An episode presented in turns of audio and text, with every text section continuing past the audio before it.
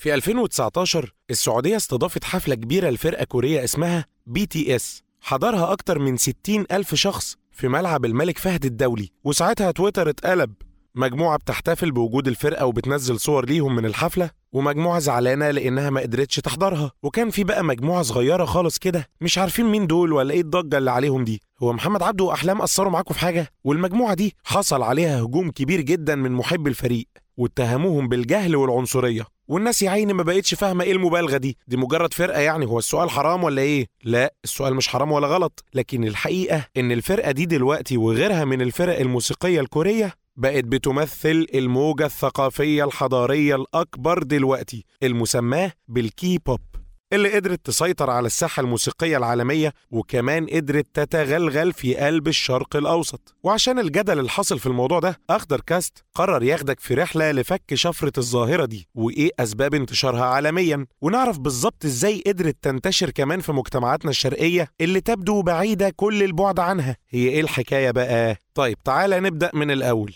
إيه هو الكيبوب؟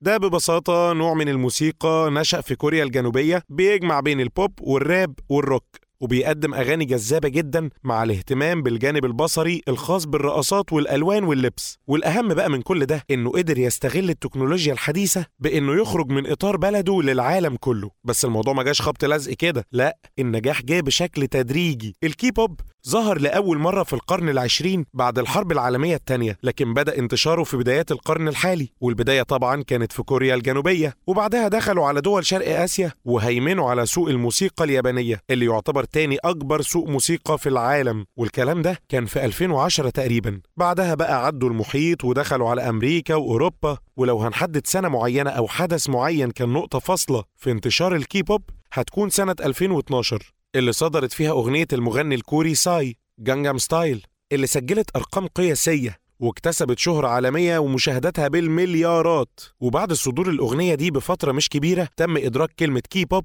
في قائمة مفردات قاموس أوكسفورد الإنجليزي وتعريفها كان موسيقى البوب الكورية. وبعدها بكام سنة النظرة للكيبوب اتغيرت تماما وما بقاش مجرد نوع موسيقي إقليمي لفت الانتباه العالمي شوية لا ده رسخ نفسه كنوع ثقافي رئيسي في جميع أنحاء العالم واكتسب شهرة كمعيار جديد لصناعة الموسيقى اللي مش بس اتميز بسبب كلمات الأغاني وانتشارها لكن بسبب طريقة التدريب المميزة وقدرته على التكيف مع أي جديد والاستفادة من التكنولوجيا اللي وسعت من قاعدته الجماهيرية عالميا. عشان كده بيتقال دلوقتي إن أي حد بيشتغل في ال marketing لازم يدرس اللي عمله الكيبوب.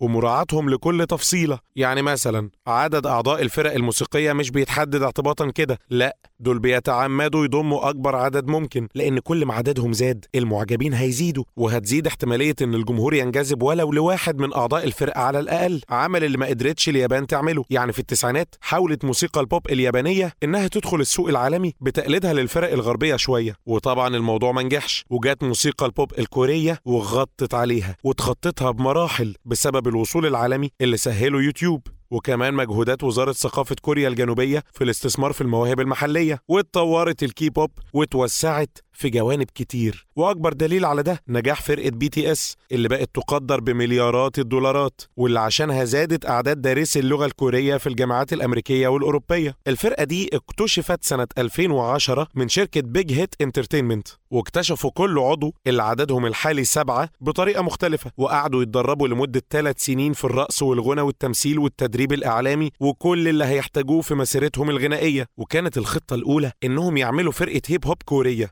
بتركز على الراب. بس بعد كده الموضوع اتغير لفريق بيرقص ويغني وبيقدم أنواع غنائية كتير. وظهر الباند لأول مرة كفرقة رسمية في صيف 2013 ونجح ألبومهم الأول نجاح مقبول في كوريا الجنوبية وانتشرت أغانيهم اللي كانت بتتناول المشكلات الاجتماعية للشباب والمراهقين. وده شيء كان نادر وقتها إن الفرق الموسيقية تستخدم النقد الاجتماعي الصريح في أعمالها لكن بعدها بقى ده الطبيعي والمحبذ. وسنة 2017 خرجت شهرة الفرقة من قارة آسيا للسوق العالمي ودي كانت بداية موجة ثقافية كورية جنوبية تجتاح أمريكا وحطمت أرقام قياسية أمريكية كتير وبقت أول فرقة كورية تتوثق من جمعية صناعة التسجيلات الأمريكية وبدأت الألقاب بقى تنهال عليهم زي أمراء البوب. وظهروا كمان على غلاف مجلة تايم وفي قوائم أكتر المشاهير نفوذا في العالم. وبقى مجرد وجودهم ونشأتهم في كوريا الجنوبية عامل جذب للسياحة فيها. بس الأهم من كل ده واللي شهرهم فعلا هو المعجبين بتوعهم اللي يعتبروا أكبر قاعدة جماهيرية في العالم واسمهم ARMY ويقدر عددهم ب 34 مليون من جميع أنحاء العالم. عملوها إزاي دي؟ بعد سنة من ظهور فرقة BTS اجتمع المعجبين بتوعهم رسميا تحت اسم ARMY اختصارا ل Adorable MC for Youth. وكمان ARMY معناها جيش بالإنجليزي وده المعنى الأقرب للمعجبين اللي بيدينوا بالولاء لفريقهم ودايما جنبهم. ومش بس كده ده ال ARMY اتشهروا زي الفرقة بالظبط وخصوصا في الفترة الأخيرة بعد مشاركتهم في الأعمال الإنسانية زي جمعهم لتبرعات قدرها مليون دولار لحركة Black Lives Matter وهنا ظهرت قوتهم الحقيقية وخرجوا من اعتبارهم مجرد مستهلكين سلبيين أو معجبين سطحيين لمجموعة صاحبة تأثير ملموس. وبرضه الفرقة ما قصرتش وكانت بتعمل أغاني مخصصة ليهم وبتتواصل معاهم قدر الإمكان. وفي مرة الفرقة نظمت اجتماع مع 200 شخص من محبيهم من خلال زوم وقعدوا يتكلموا معاهم بملابس البيت. عادي جدا دول إخوات يعني. والمثير للاهتمام إن ال ARMY متكون من مراهقين وشباب وناس كبار كمان من جميع أنحاء العالم جايين من خلفيات وثقافات مختلفة. بس اتحدوا على حب سبع شباب كوريين شايفين إنهم بيتكلموا بلسانهم وبيعبروا عن مشاكلهم. ومن ضمنهم مئات الآلاف من المعجبين العرب اللي بيتعاملوا مع الشباب دي على إنهم إخواتهم مثلا وبيحللوا كل كلمة في أغانيهم وبيسقطوها على نفسهم وبيدافعوا عنهم بضراوة زي ما سمعنا اللي حصل في حفلة السعودية. بس السؤال هنا بقى إزاي ده حصل؟ وإيه يعني اللي ممكن يجمع بين الثقافة العربية والكورية عشان تبقى الإمارات والسعودية من أهم الأسواق العالمية لموسيقى الكيبوب؟ لو عايزين نتتبع إزاي تغلغل الكيبوب في الشرق الأوسط فهنلاقي إن الموضوع بدأ بالدراما الكورية في أوائل التسعينات وأوائل القرن الواحد وعشرين اللي نجحت في البلاد العربية لأن ما فيهاش عري أو مشاهد إباحية ونجحت كمان الرسوم المتحركة بتاعتهم وأخيرا الأغاني. ودي بقى طلعت حكايتها حكاية. هو من بعيد كده يبان إن الثقافة الكورية ملهاش علاقة بالثقافة الشرقية. صح؟ لا مش صح يا صديقي لأن الحقيقة في عادات كتير مشتركة بين الثقافتين زي الاهتمام بالروابط العائلية وقصص الحب الأفلاطونية والصداقة والإيثار ولو قارنا بينها وبين موسيقى البوب الغربية اللي بقت مليانة كلام خادش للحياة ومناظر مش مقبولة هنلاقي إن طبيعي جدا للشباب العرب إنهم يقبلوا أكتر على الكيبوب اللي بيتماشى مع ثقافتهم وخصوصا إن الأجيال الحالية فخورة بعروبتها. مش زي أيام زمان لما الشباب كان عايز يتمرد ويخرج شوية عن ثقافته كان بيلجأ للثقافة الأمريكية وينسلخ من عروبته لكن دلوقتي الهيمنة الغربية دي وتأثيرها الثقافي قل كتير. والجيل الجديد بقى قدامه كل الثقافات الممكنة ينقي منها براحته وما بقاش الغرب مرضي لذوقه زي زمان والمحتوى الجديد البذيء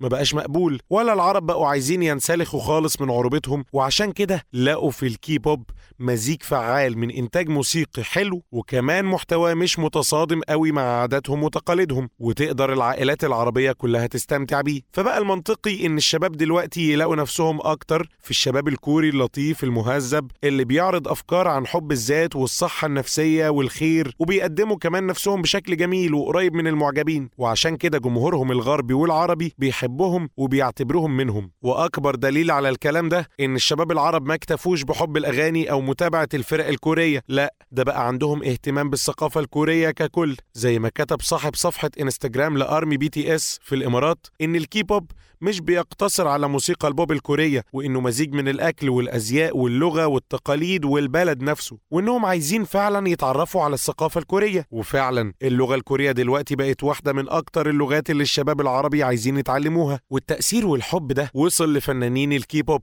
اللي بقوا يعملوا جهود كبيرة يعبروا بيها عن تقديرهم لمعجبيهم في الشرق الأوسط زي في حفلة BTS في السعودية اللي راعوا تقاليد المكان في رقصهم ولبسهم وعبروا عن امتنانهم لدعوتهم في المكان ده وللحب اللي حسوا بيه في وجودهم. ونفس الموضوع في حفلة فريق بلاك بينك ودي تاني أشهر فرقة كورية بعد ال BTS اللي كانت في 2023 في السعودية واضطروا يوسعوا القاعة بسبب كمية الناس اللي حجزت وقتها وكانوا حوالي 25 ألف شخص. وبقينا كمان نسمع عن تعاونات بين الفنانين الخلايجة وفنانين الكيبوب زي أغنية Is It On بين النجمة الكورية أليكسا والفنان الإماراتي بدر الشعيبي. يا سلام جميل الكيبوب. مش قوي برضه لأن مفيش حاجة ليها جانب واحد بس. ومؤخرا بدأ يظهر تقارير وكلام كتير عن الجانب المظلم للكيبوب. مظلم ليه بس؟ ما منورين الدنيا أهو. هي دي المشكلة. أضواء العالم كله على فنانين الكيبوب دلوقتي. وده للأسف نتج عنه حالات انتحار كتيرة لنجوم كيبوب ناجحين. وزي الورد بسبب عدم قدرتهم على التعامل مع الضغط. سواء كان من المعجبين أو الكارهين أو الوكالات اللي بيشتغلوا معاهم اللي اتضح إن عقودهم صارمة جدا وبنودها أقرب لسجن ما بين مقابل مادي قليل وساعات عمل كبيرة جدا وتدريبات مرهقة وكمان سوء معاملة واعتداءات جنسية وإطفاء طابع جنسي على المراهقين وأنظمة غذائية صعبة ممكن توصل لعمليات تجميل بالإجبار. وطلع إن صناعة الكيبوب كلها دي وباللي حققته بتعتمد على أسس هشة ممكن تنهار في أي لحظة لو ما صلحوش الصناعة نفسها اللي المفروض بتدعو للخير ولحقوق الإنسان مع إنها نفسها مش بتراعيها في أحيان كتير. ومش هو ده بس الجانب المظلم للكيبوب.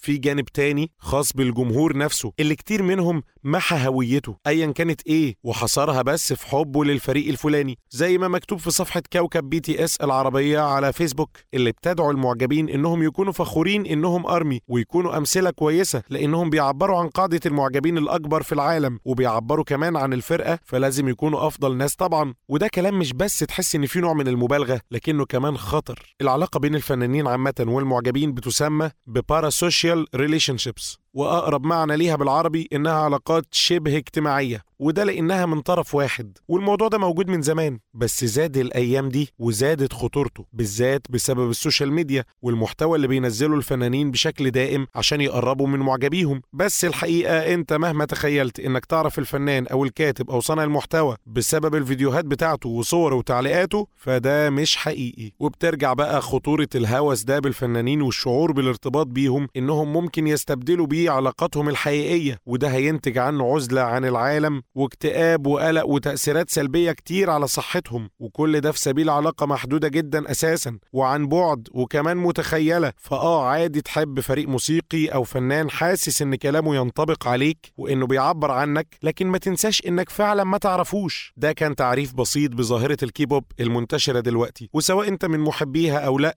مهم إنك تعرف كل حاجة عن الشيء اللي لاقي نفسك فيه أو متخيل إنك بتنتمي ليه وبعدها حقك تختار تكمل معاه أو لأ. وبس كده يا صديقي. سلام.